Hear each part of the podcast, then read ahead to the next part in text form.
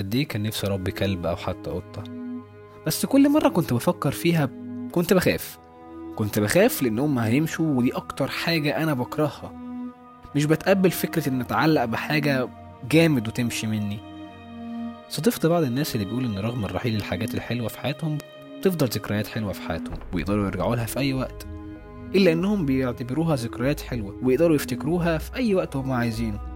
بس أنا أظن إن نفس الذكريات الحلوة دي تتحول لجحيم في دماغاتهم بيصبح عقلهم من مكان هادي ورايق لمكان شبه الجحيم. وكل اللي بيقدروا يسمعوه هو صراخ لصوت ذكرياتهم. وارد جدا إن أنت ما تبقاش قادر تسكت على اللي جواك رغم إن مفيش دوشة حواليك بالعكس فيه هدوء رهيب.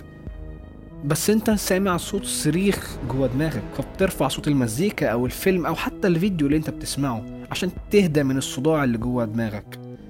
برغم إن أنا وأنت متفقين إن كل حاجة ليها جزء منور وجزء مضلم زي الظل اللي على الأرض.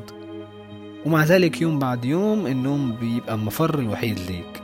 وفي يوم من الأيام النوم هيبقى مصدر إرهاق ليك إن أنت استنزفت كل طاقتك في الهروب. وهنا بتدرك إن الحل الوحيد هو المواجهة. بتواجه حقيقة إنك رغم تعاملك وخوفك على مشاعر الناس والخوف من أنت تكسرهم بيمشوا. بيمشوا وينسوا كل حاجة حلوة أنت عملتها عشانهم.